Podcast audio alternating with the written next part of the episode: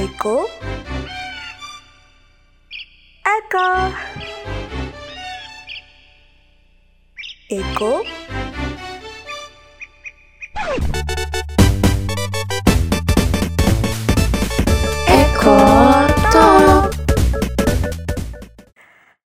Hai Eko Friends, gimana nih? Apa kabar? Udah kuarantin hari keberapa ya ini? Em, udah lama banget ya kayaknya di rumah mulu nih. Nah sekarang kamu ketemuan sama gue Yustianisa Yang bakal nemenin kegabutan kamu selama 60 menit ke depan. Di mana lagi kalau bukan di program kesayangan kamu, Eko Talk. Khususnya nih sekarang buat kamu yang lagi bete, kesel, bosen, boring Atau uring-uringan gak jelas di rumah. Sini sini sini. Kita ngumpul aja di sini. Kita uh, sharing informasi yang bermanfaat buat lingkungan. By the way, gimana keseharian kamu di rumah? Apakah sekarang makin produktif atau malah jadi males? Terus, oh iya lebaran bentar lagi nih, gimana persiapan lebaran kamu? Udah pada beli baju lebaran belum? Tapi yang udah pada beli baju lebaran emang mau ke mana sih lebarannya? Mau mudik? Kan nggak boleh mudik. Terus, uh, semoga yang pada punya beli baj- eh, yang pada punya baju lebaran baru belinya di online shop aja ya, nggak usah ke mall-mall karena masih bahaya di luar sana sama COVID-19. Tapi apa pun cerita kamu nih, boleh banget langsung di-share aja di sosial media kita. Ada di Instagram, at underscore ID, atau bisa juga di Facebook, Eko Strip Media. Langsung share aja kita berbagi sama pendengar yang lainnya, oke? Daripada scroll-scroll Instagram, bolak-balik, bolak-balik. Atau nontonin, eh bukan nontonin, bacain eh, war-war, apaan tuh war-war? Perang-perang di Twitter yang pada berantem SJW SJW mending di sini aja gue kasih banyak informasi tentang lingkungan yang pastinya bakal nambah pengetahuan kamu biar kamu nggak jadi manusia yang kudet ya kurang update. Apalagi di masa covid 19 ini pasti kamu banyak ketinggalan info menarik nih di luar sana makanya kita share juga di sini info-infonya. Nah buat kamu yang kepo info apa aja sih yang bakal gue bagiin? Stay tune terus jadi kudet karena nggak tahu perkembangan dunia luar. Di Eko Talk, kamu bakal dikasih informasi terupdate seputar isu lingkungan di sekitarmu. Eko Talk. Kota Bekasi kembali dilanda banjir. Berita selengkapnya bareng gue Nisa di Eko Flash. Kota Bekasi dilanda banjir Senin malam 18 Mei 2020. Hal ini disebabkan karena adanya luapan air kali Bekasi yang diduga merupakan kiriman dari Bogor melalui Sungai Cilengsi. Bahkan ketinggian air di hulu Sungai Cilengsi sudah mencapai angka 360 cm. Salah satu wilayah yang terkena banjir adalah daerah Villa Taman Kartini. Edgina, warga setempat mengatakan hujan juga mengguyur wilayah Bekasi selama berjam-jam. Di Bekasi itu hujan dari sekitar jam 2 sampai jam 5. Jadi maghrib tuh jam 6 tuh udah reda. Terus kalau di komplek lain tuh udah mulai banjir jam 7. Tapi kalau di komplek aku itu jam 9 baru naik. Kamu baru aja mendengar informasi dari Edgina, salah satu warga Bekasi yang rumahnya terendam banjir.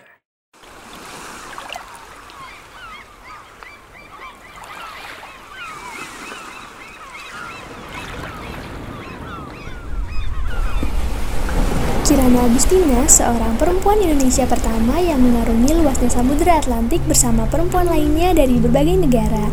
Kecintaannya terhadap lingkungan membuat ia rela mendedikasikan dirinya untuk melakukan penelitian sampah plastik di lautan. Meskipun dalam melakukan penelitiannya ini mengharuskan dirinya berada di tengah lautan selama dua minggu dengan cuaca yang berubah-ubah, kadang cerah, kadang badai. Tapi Kirana mengaku bahwa banyak pelajaran yang bisa ia ambil. mikroplastik itu udah banyak banget di laut. Di laut itu walaupun terlihat sebagai lautan lepas biru, tapi setiap kita ambil sampel udah banyak banget mikroplastiknya yang eh, yang nempel atau bareng-bareng sama biota laut. Jadi kalau udah udah mungkin banget biota laut makan mikroplastik dan uh, biota laut yang kecil itu dimakan cumi, misalnya cumi dimakan tuna, tuna dimakan manusia, dan udah pasti kita jadi makan uh, plastikan. Seperti yang sudah banyak diberitakan bahwa sampah plastik terus-menerus menumpuk tidak terbendung. Salah satu efek yang terjadi bahwa sampah plastik terbawa ke lautan dan mengganggu kehidupan laut. Kirana banyak bercerita tentang pengalamannya nih. Tentunya banyak pelajaran yang nantinya bisa diambil tentang bagaimana bahayanya sampah plastik jika dibiarkan, khususnya bagi para perempuan, dan juga bagaimana biota laut yang mengonsumsi mikroplastik. Ternyata keberadaan sampah plastik juga lebih banyak digunakan oleh perempuan loh. Ironisnya, perempuan bisa menjadi salah satu pelaku penimbun sampah plastik sekaligus menjadi orang yang paling terdampak karena banyaknya sampah plastik. Perempuan tidak akan bisa dipisahkan dengan kosmetik. Salah satu contohnya yaitu sabun cuci muka. Saat ini banyak produk sabun cuci muka yang menawarkan scrub dalam komposisinya. Padahal perlu kalian tahu bahwa scrub itu terbuat dari plastik.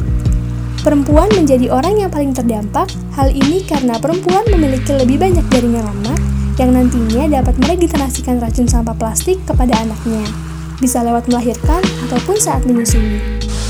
Tapi kalau misalnya perempuan bisa lebih aware dan bisa lebih memilih yang yang baik untuk dirinya dan lingkungan akan lebih baik kan. Dan kalau misalnya belanja pun kayak di rumah perempuan yang sebenarnya jauh lebih menentukan belanja apa uh, bagaimana belanjaannya um, pakai apa belanjanya. Dan kalau misalnya dilihat kalau misalnya perempuan lebih peduli akan jauh sangat lebih baik. Dalam obrolan ekomedia dengan Kirana, ia mengatakan bahwa zero waste menjadi salah satu cara yang bisa dilakukan untuk mengurangi isu sampah plastik. Zero waste bisa dilakukan dari hal-hal terkecil, mulai dari membawa tas saat berbelanja dan membawa wadah makan atau minum sendiri ketika di luar rumah. Menurut Kirana, dengan kita mencintai bumi dan juga memiliki ketertarikan yang lebih terhadap lingkungan, maka sikap zero waste yang seharusnya diterapkan bisa berjalan dengan baik. Jika kita tahu alasan penumpukan sampah plastik terjadi, maka akan membuat kita lebih sadar dan tanpa paksaan dalam menjalankan pola hidup zero waste. Jadi, sudah siapkah kalian melakukan pola hidup zero waste? Berbagi informasi lingkungan yang update, kekinian, dan seru banget. Eco Talk. Cegah COVID-19 bersama Kang Eko dan Lala. Sementara angka kematian dari kasus konfirmasi positif menjadi 157 orang. Jumlah yang terkonfirmasi positif COVID-19 di seluruh dunia ini mencapai lebih dari 600 ribu jiwa dengan jumlah korban meninggal dunia lebih dari 27 ribu jiwa. Empat dinyatakan positif terpapar corona, seorang dokter yang bekerja di Dinas Kesehatan Kota Bogor meninggal dunia. Amerika Serikat. Kenapa beritanya? Ini semua. Kalau udah mulai stres sama berita-berita tentang corona, kurangi dulu yuk berselancar di medianya. Mari lakukan media distancing dan physical distancing selama masa pandemi corona. Demi kesehatan jiwa dan raga kita semua. Iklan layanan masyarakat ini dipersembahkan oleh EcoTalk dari Ekomedia dan Unpad Media. Udah pusing ya sama informasi hoax di luar sana? Tenang aja, informasi tanpa hoax bisa kamu dengerin di EcoTalk.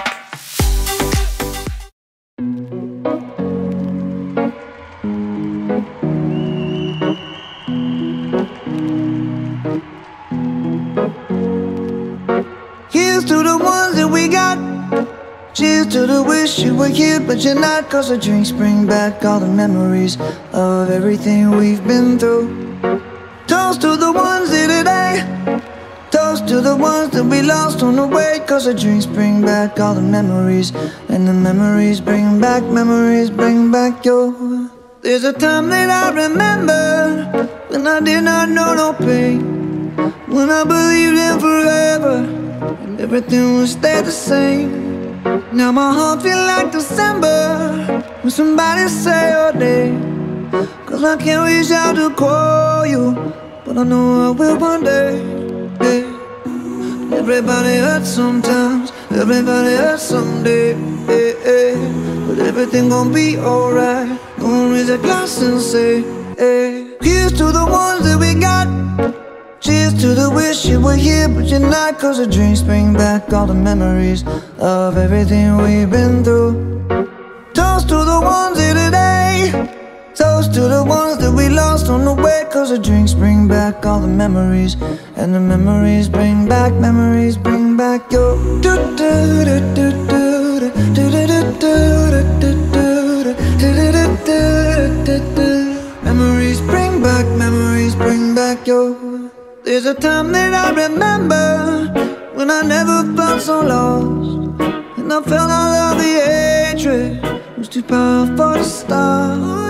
Now my heart feel like an ember, and it's lighting up the dark. I'll carry these torches for you, and you know I'll never drop. Yeah, everybody hurts sometimes, everybody hurts someday. Yeah, yeah. But everything gon' be alright. Gonna raise a glass and say, hey. Here's to the ones that we got. Cheers to the wish you were here, but you're not. Cause the drinks bring back all the memories of everything we've been through. Toast to the ones here today. Toast to the ones that we lost on the way. Cause the drinks bring back all the memories. And the memories bring back, memories bring back your. Memories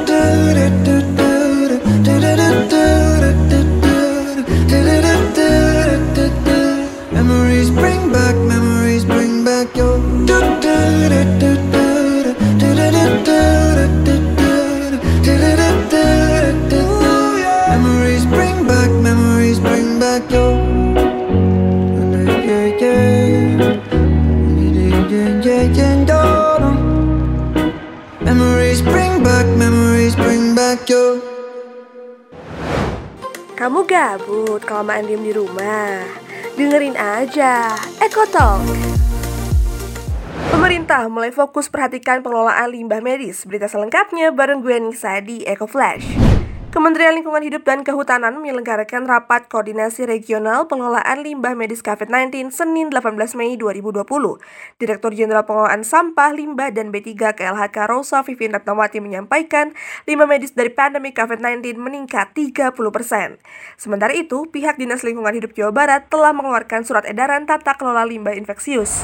Nah, eh, selain itu, Dinas Lingkungan Hidup Provinsi Jawa Barat juga telah mengeluarkan surat edarannya tentang tata kelola limbah infeksius atau limbah B3 di Fasyankes dan rumah tangga di Jawa Barat sebagai antisipasi penyebaran COVID-19 yang merupakan turunan atau tindak lanjut dari surat edaran Kementerian Lingkungan Hidup. Itu ya, jadi kami koordinasi juga dengan Dinas Lingkungan Hidup Provinsi, Mbak. Kamu baru aja mendengar informasi dari narasumber kami. Sementara itu, untuk limbah medis rumah tangga, pemerintah daerah diminta berpartisipasi dalam menyiapkan sarana dan prasarana seperti Dropbox. Jadi kudet karena nggak tahu perkembangan dunia luar. Di Eco Talk, kamu bakal dikasih informasi terupdate seputar isu lingkungan di sekitarmu. Eco Talk. Kasus positif COVID-19 di Indonesia sekarang udah sampai angka belasan ribu loh.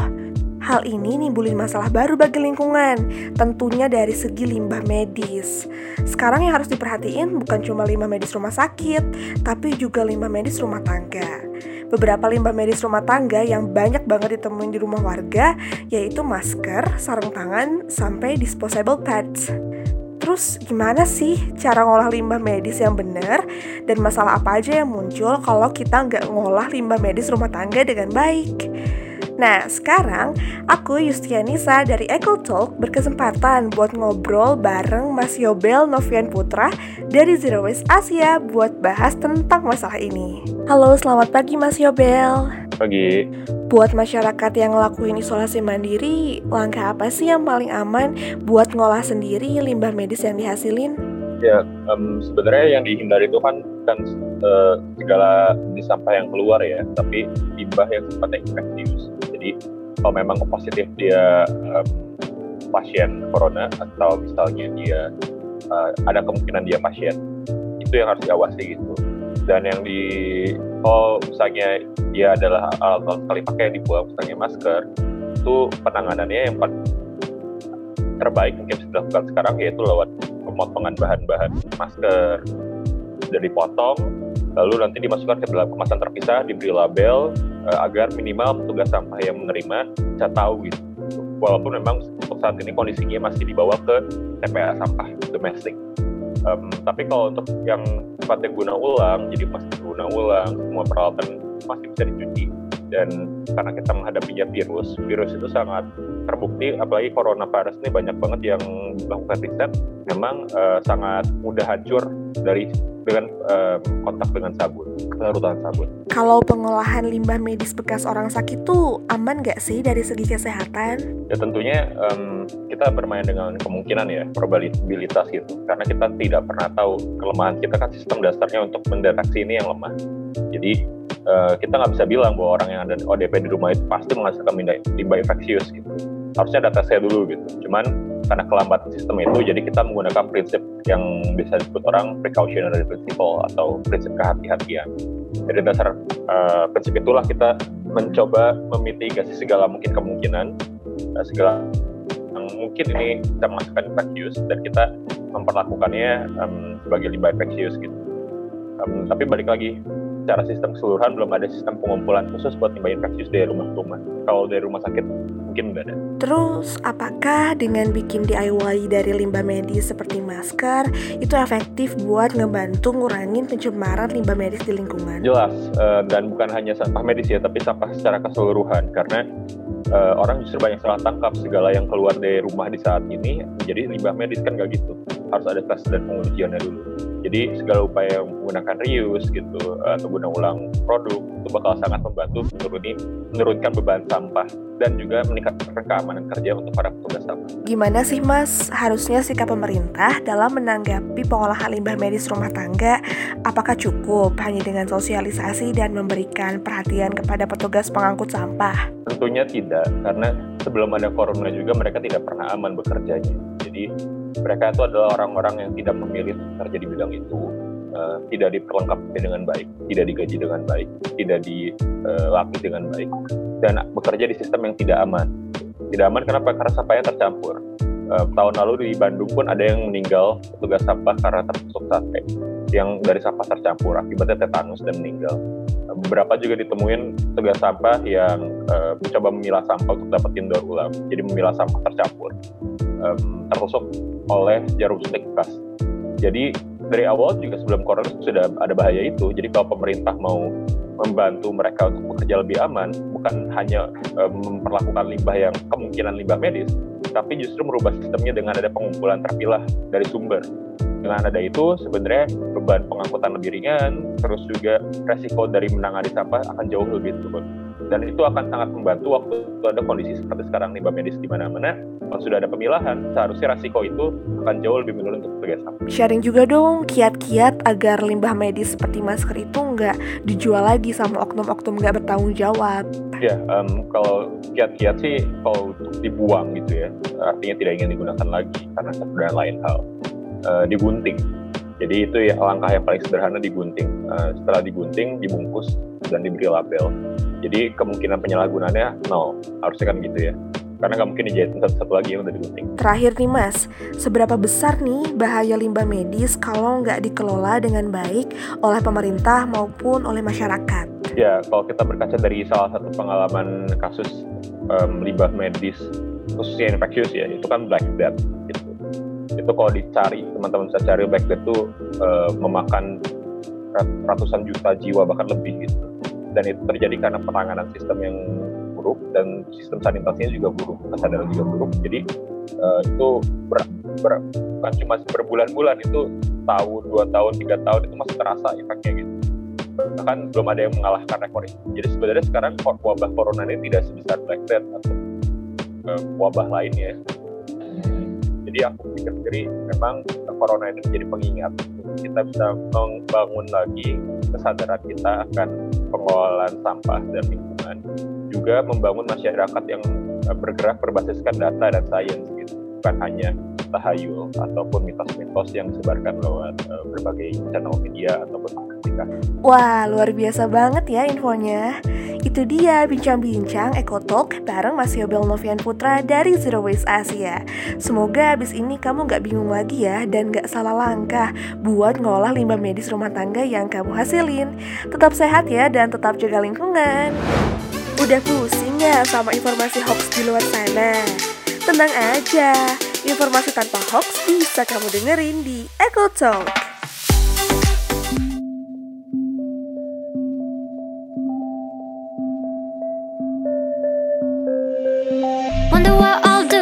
Cops come through when the whiskey's run out. Cause I've been looking at you since half past two. Wanna take this downtown. This liquid courage got me way too honest. Put your phone on vibrate, let's catch a vibe, babe, while the sun's down. Hush now, I know we're a little too fucked up to stay still. Love, be as quiet as you can, cause if anyone sees, they'll just blow shit up.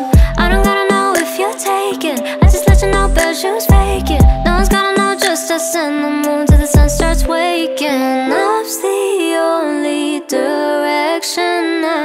As long as we keep this low, low, low, low, low, low, low, low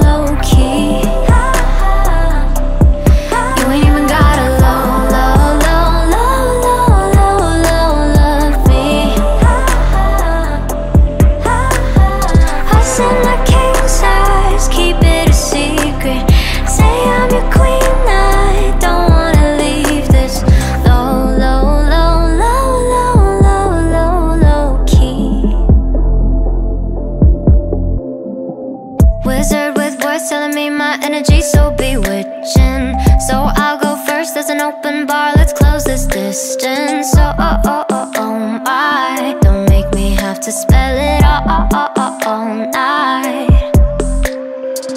I don't really give a fuck about all the he said, she said bullshit. So pick your poison, love. Let's go somewhere a little more exclusive. Take a shot, take a chance, take my hand, boy. Tension so intense like an asteroid. Be discreet, gotta dodge at the tabloids. Let's not think too much, So long as we keep this. Low, low, low, low, low,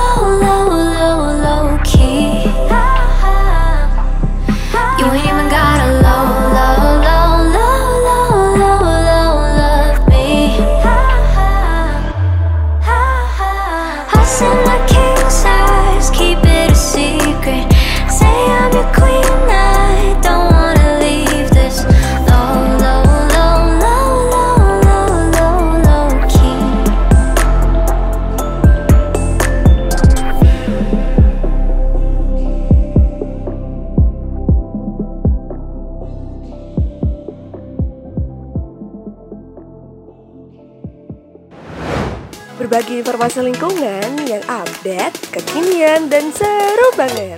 Eco Talk. Cegah COVID-19 bersama Kang Eko dan Lala. Kang Eko mau ke mana?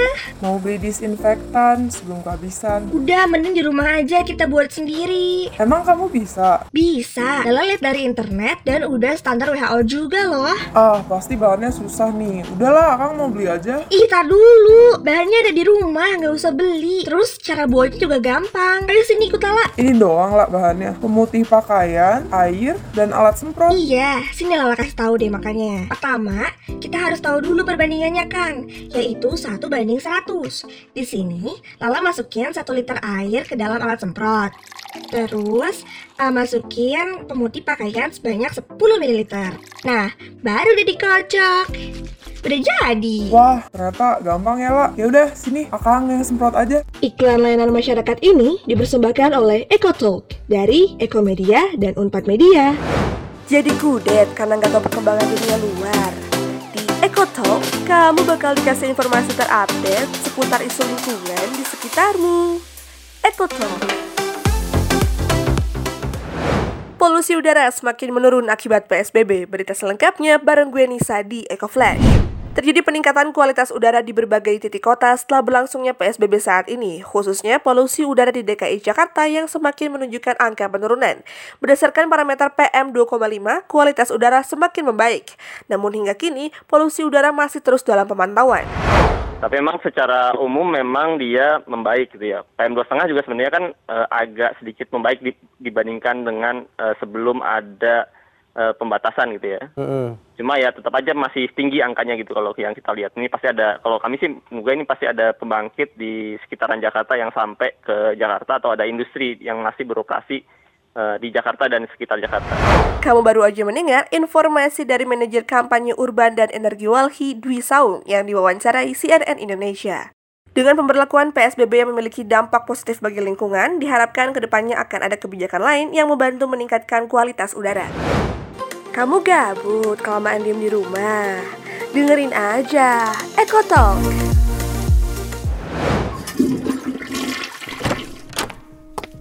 Halo, aku Nisa, mahasiswa Universitas Pajajaran. Belakangan ini, aku lagi gencar-gencarnya ngurangin penggunaan sampah plastik. Udah banyak sih yang aku lakuin. Mulai dari bawa tumbler sendiri, bawa wadah jajan sendiri, bawa kantong belanja sendiri Sampai nahan jajan ciki-cikian. Tapi ada satu hal yang masih belum bisa dan masih takut banget buat aku lakuin Yaitu ganti pembalut dengan menstrual cup Kayak barusan nih, aku kan dari WC dan tetap aja masih takut buat ganti pakai menstrual cup. Padahal aku udah beli dari lama. Terus aku tuh sebenarnya tahu banget di luar sana sama pembalut udah mengkhawatirkan banget deh buat lingkungan. Nih aku cari nih artikelnya ya. Bayangin aja, rata-rata setiap perempuan pakai lebih dari 16.000 pembalut seumur hidup. Terus sampah pembalut di Indonesia tuh bisa nyampe 26 ton setiap hari. Bisa bayangin nggak tuh separah apa kondisi lingkungan kita cuma gara-gara sampah pembalut? Bukan cuma itu, nih ada lagi ya. Menurut WHO, ada 52 juta perempuan beresiko kena kanker serviks gara-gara zat yang ada di pembalut.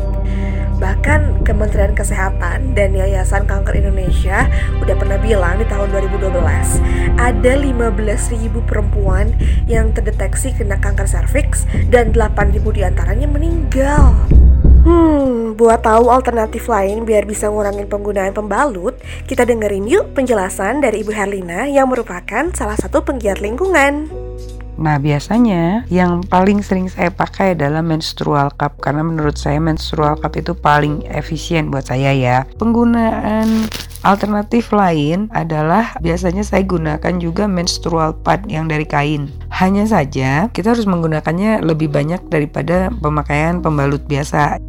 Ada satu lagi sih namanya tampon. Tampon tuh jadi kayak kapas gulung gitu yang bentuknya silinder. Sebenarnya bisa dipakai pengganti pembalut biasa cuman saya tidak sarankan karena saya agak khawatir. Khawatirnya dia bisa merusak nggak ke arah keperawanan gitu Oh gitu. Padahal kalau aku berani pakai menstrual cup, minimal aku bisa ngurangin penumpukan sampah pembalut dimulai dari diri aku dulu. Tapi nih masalah lainnya adalah banyak banget kabar kurang enak tentang penggunaan menstrual cup. Kayak katanya nih, kalau kita masih perawan tuh nggak boleh pakai menstrual cup. Terus kalau menstrual cupnya penuh, nanti si darahnya bisa naik lagi ke rahim. Ada juga yang bilang uh, kalau pakai menstrual cup tuh bisa bikin susah buang air kecil. Tapi kan padahal salurannya beda ya. Hmm, jadi bingung. Ah, tapi daripada bingung-bingung, mending sekarang kita dengerin langsung aja pengalaman dari salah satu pengguna aktif menstrual cup. Nama aku Lintang, aku mahasiswa UNPAD. Jadi aku udah mulai pakai menstrual cup itu dari September 2019. Aku akhirnya milih untuk beralih ke menstrual cup karena aku mau berkontribusi dalam mengurangi sampah yang udah banyak ya. Uh, dan salah satunya adalah sampah pembalut yang nggak bisa terurai gitu. Awalnya pakai tuh bener-bener uh, nggak bisa nggak bisa banget nggak bisa banget makainya gitu caranya. Karena aku belum menerima diri sendiri aku belum belum bergaining sama diriku sendiri belum nyaman. Jadi ya pas make juga nggak bisa gitu kan. Tapi beberapa kali coba di bulan berikutnya di bulan berikutnya aku mulai nyaman mulai ngerasa kayak gue kayak nggak men sama sekali gitu. Kayak beraktivitas kayak biasanya olahraga kayak biasanya dan dan itu sangat nyaman buat aku gitu. Jauh ini nggak um, ada efek samping yang sangat berarti di badan aku menurutku lebih mudah ketika kita pakai pembalut karena dia bisa 12 jam kan sekali pakai jadi nggak bolak-balik kamar mandi untuk ganti-ganti tuh udah nggak ada gitu. dan aku di sini mau menghimbau buat kalian sebelum kamu mulai atau mau coba menstrual cup mendingan kamu baca dulu riset sebanyak-banyaknya soal tubuh kamu, soal perempuan, soal organ intim, soal menstrual cup gitu. Karena ada berbagai um, bahan di menstrual cup yang juga mungkin nggak bisa kamu terima tubuhnya atau segala macamnya kayak gitu. Wah, setelah dengerin yang tadi, aku jadi makin yakin nih buat nyobain pakai menstrual cup. Tapi tentu sesuai yang dibilang Lintang tadi, alangkah lebih baik kalau kamu kenalin dulu di, uh, kondisi diri sendiri. Karena siapa tahu kamu punya alergi sama bahan dasar cup itu sendiri. Oke, aku sekarang mau cobain pakai menstrual cup yang udah pernah aku beli. Berbagi informasi lingkungan yang update, kekinian, dan seru banget. Eco Talk.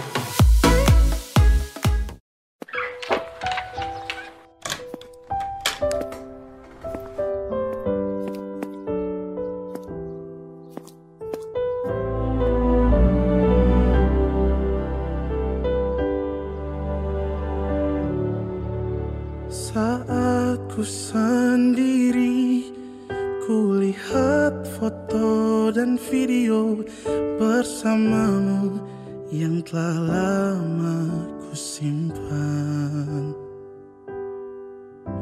Hancur hati ini Melihat semua gambar diri Yang tak bisa ku ulang kembali Ingin saat ini engkau ada di sini. Tertawa bersamaku seperti dulu lagi. Walau hanya sebentar Tuhan tolong kabulkanlah. Bukannya diri ini tak terima kenyataan Hati ini hanya rindu.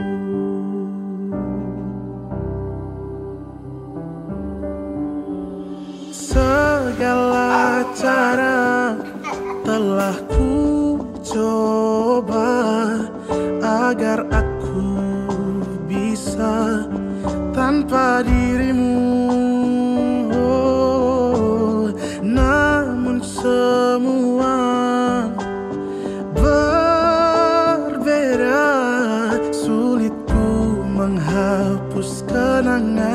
bersamamu.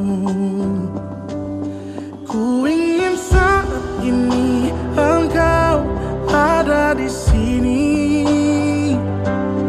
Tertawa bersamaku seperti dulu lagi. Walau hanya sebentar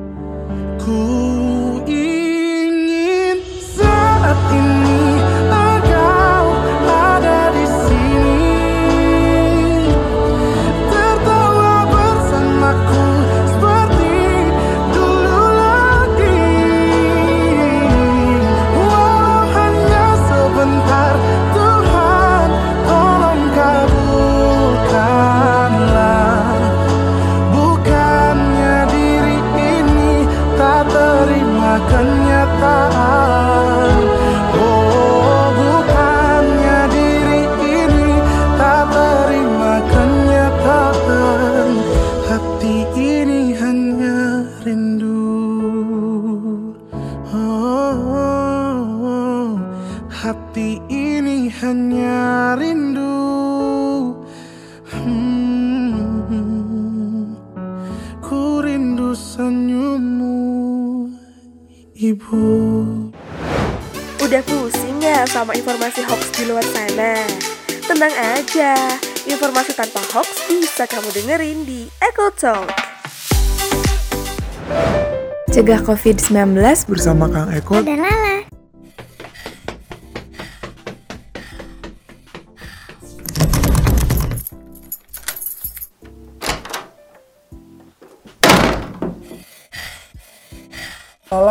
Dikejar siapa? Zombie? Kan nggak tahu.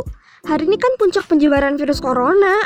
Kata siapa? Kata broadcast di WhatsApp. Dari siapa? Nggak tahu sih, Kang. Lala, verifikasi dulu itu infonya bener atau enggak lah. Itu hoax. Oh iya ya. Kok Lala langsung panik ya nggak verifikasi dulu? Pada masa pandemi corona ini, jadi banyak sekali hoax yang beredar dan membuat masyarakat resah. Bahkan, hoax bisa lebih bahaya dari virusnya loh. Jangan lupa untuk verifikasi dulu kebenaran informasi sebelum disebar ke orang yang kamu cinta ya. Iklan layanan masyarakat ini dipersembahkan oleh EcoTalk dari Ekomedia dan Unpad Media. Kamu gabut kelamaan diem di rumah? Dengerin aja EcoTalk. Ketua MPR Bambang Susatyo berikan bantuan untuk kebun binatang Bandung. Berita selengkapnya bareng gue Nisa di Eco Flash. Ditutupnya kebun binatang Bandung akibat COVID-19 membuat pemasukan menjadi minim dan menimbulkan krisis pangan pada satwa. Bantuan pun datang dari berbagai pihak, salah satunya dari Ketua MPR Bambang Susatyo 16 Mei kemarin. Hal ini dibenarkan oleh Markom Kebun Binatang Bandung, Sulhan Syafi'i. Kami mendapat donasi dari Ketua MPR sebanyak 1000 ayam beku dan telah kami manfaatkan sumbangan dari Ketua MPR ini diantar langsung oleh Pak Bamsud ke Kebun Binatang Bandung disertai dengan rombongan dan diterima oleh pengurus Yayasan Marga Satwa Taman Sari. Demikian. Kamu baru aja mendengar informasi dari Markom Kebun Binatang Bandung Sulhan Syafi'i. Bantuan dari Ketua MPR Bambang Susatyo diperkirakan bisa bertahan hingga 3 bulan ke depan. Udah pusing ya sama informasi hoax di luar sana? Tenang aja, informasi tanpa hoax bisa kamu dengerin di Echo Talk. Kalau dengar kicauan burung kayak gini, biasanya menghasilkan suasana yang meriah dan bahagia ya. Apalagi seperti yang kita tahu, kicauan burung ini banyak sekali diperlombakan. Tapi lomba kicauan burung ternyata tidak semenyenangkan kelihatannya loh, apalagi bagi burung-burung yang terlibat. Hal ini karena terdapat indikasi pelanggaran kesejahteraan hewan, khususnya pada proses pelatihan burung sebelum diperlombakan.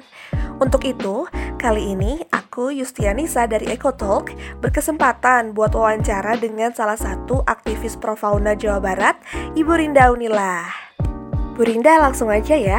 Kalau dari segi kesejahteraan hewan, bagaimana sih tanggapan Ibu sebagai profauna menanggapi penyelenggaraan perlombaan burung berkicau? Uh, jadi kalau saya sih melihatnya uh, perlombaan burung berkicau itu memang sebuah kegiatan yang syarat atau rentan uh, pelanggaran terhadap kesejahteraan satwa. Kita lihat aja lah ya, uh, kita rujuk aja lah uh, kesejahteraan satwa yang secara umum aja. Satu kebebasan untuk dia untuk berperilaku alamiahnya. Jadi di dalam proses pembentukan satu burung berkicau gitu atau dia yang bisa main di gantangan gitu ya di perlombaan burung berkicau itu ada ada proses uh, pelatihan tanda kutip yang memang dia syarat syarat kalau saya sih bilangnya syarat kekejaman ya uh, satwa itu uh, burung itu tidak dibiarkan untuk berperilaku alamiahnya. Contoh, salah satu bentuk penilaian terhadap burung berkicau ada penilaian uh, varian uh, suara atau varian kicauan.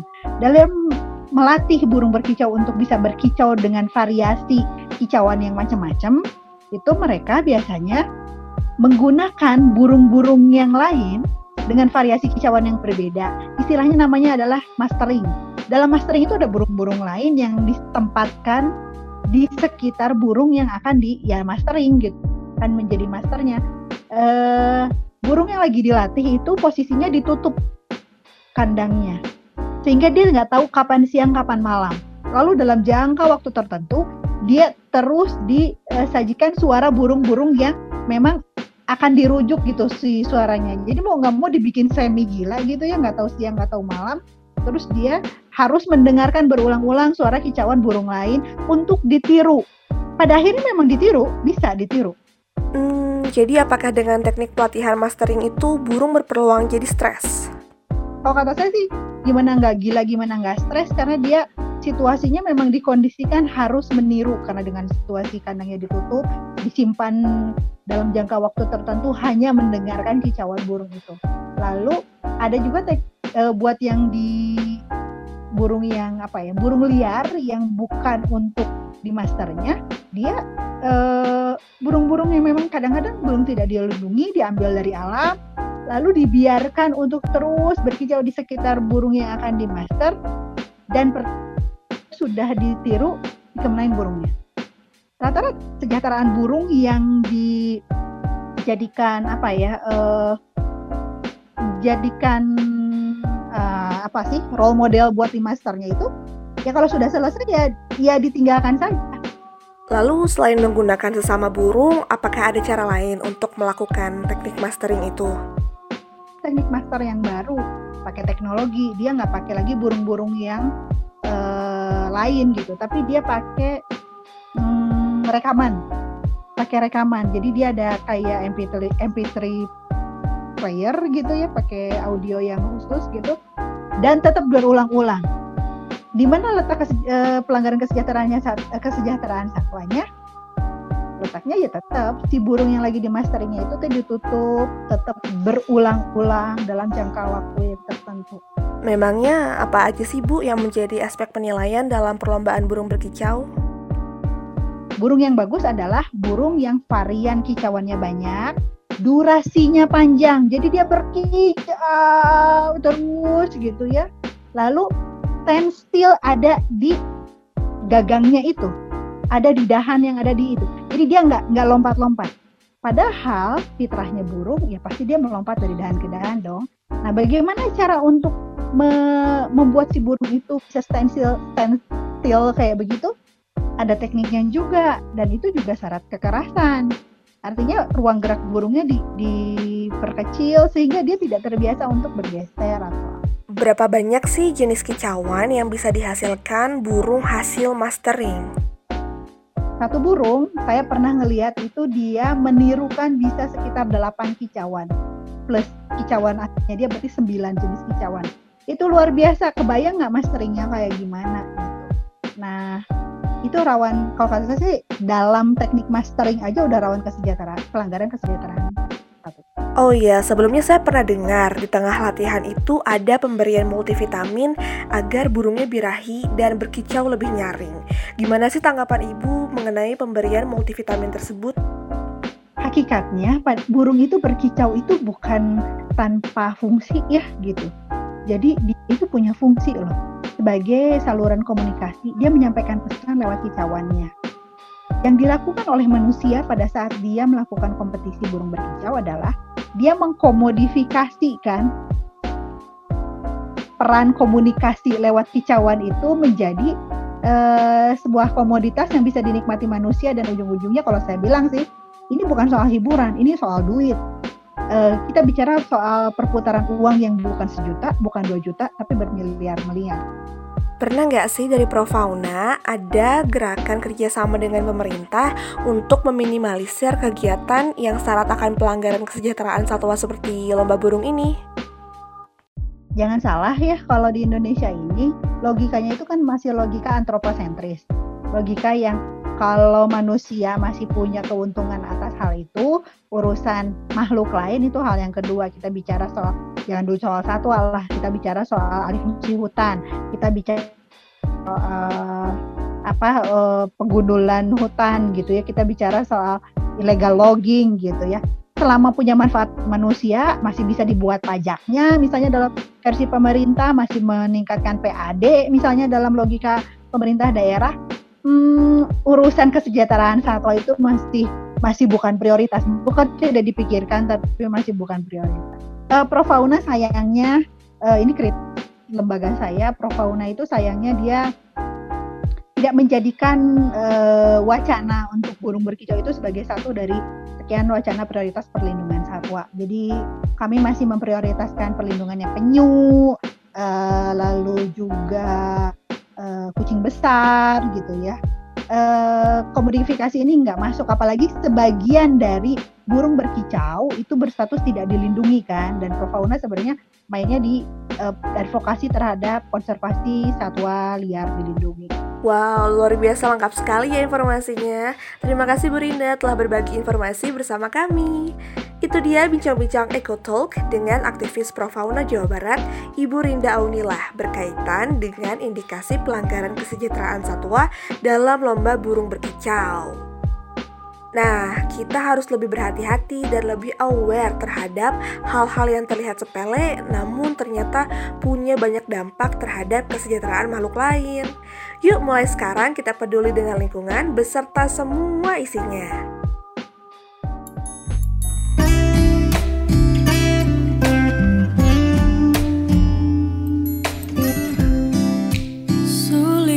Bagiku. Menghadapi kamu. Tapi ku takkan menyerah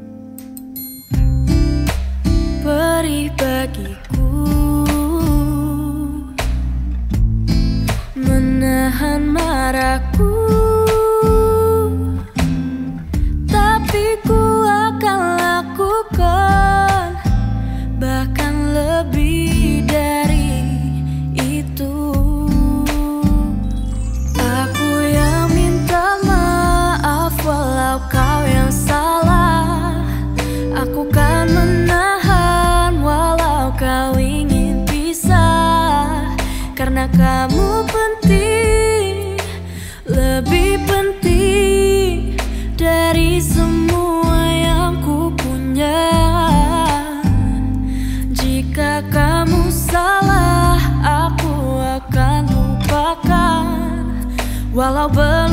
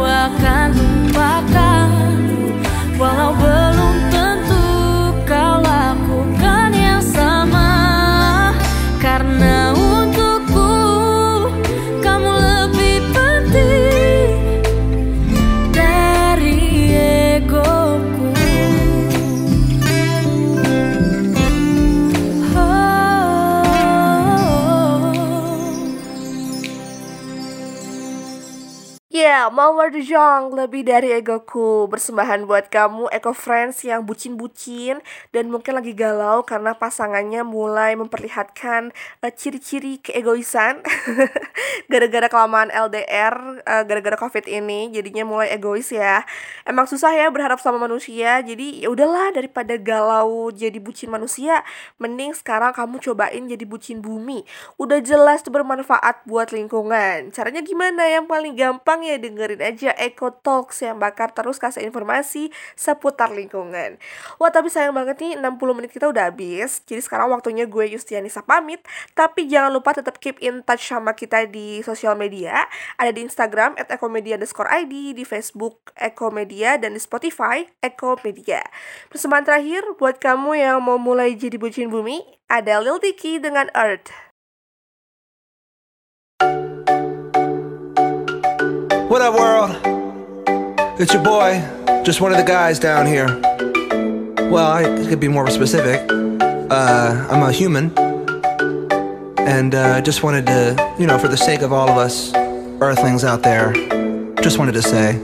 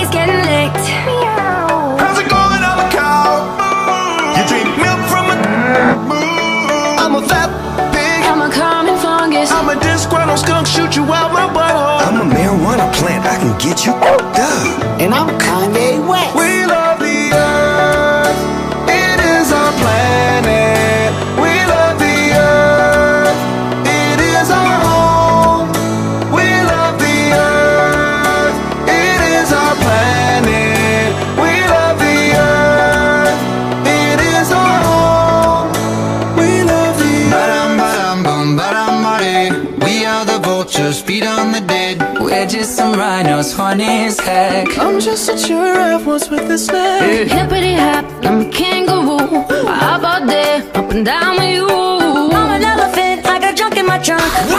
Come on, clown! I'm a squirrel looking for my next nut. And I'm a pony, just a freak horse. But, uh, come on, get on. Yeah, giddy up, let's ride. HPV. Sleep all the time. So what? It's cute.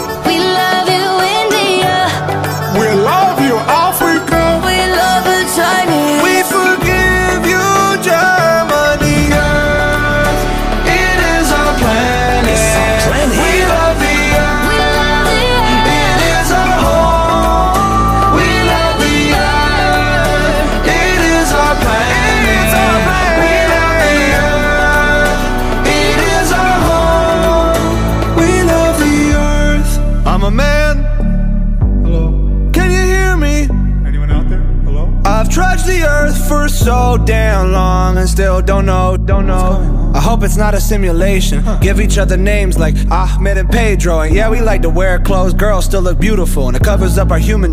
Eat a lot of tuna fish, but these days it's like we don't know how to act. All these shootings, pollution, we under attack on ourselves. Like, let's all just chill, respect what we built. Like, look at the internet, it's cracking as hell. Fellas, don't you let it when you have sex. And I heard women are better than a.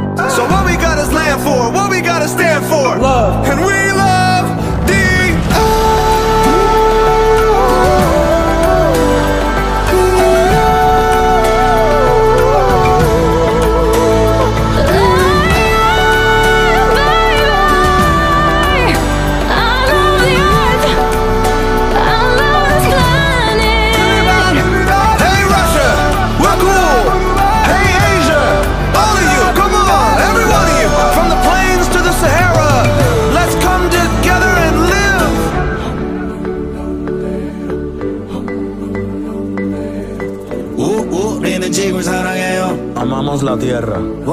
be Come on, everybody. I know we're not all the same, but we're living on the same earth. Have you ever been to Earth? Everyone who's listening has been to Earth, Ariana. We're not making music for aliens here. Are we gonna die? You know what, Bieber? We might die. I'm not gonna lie to you. I mean, there's so many people out there who don't think global warming's a real thing. You know, we gotta save this planet. We're being stupid. Unless we get out together now.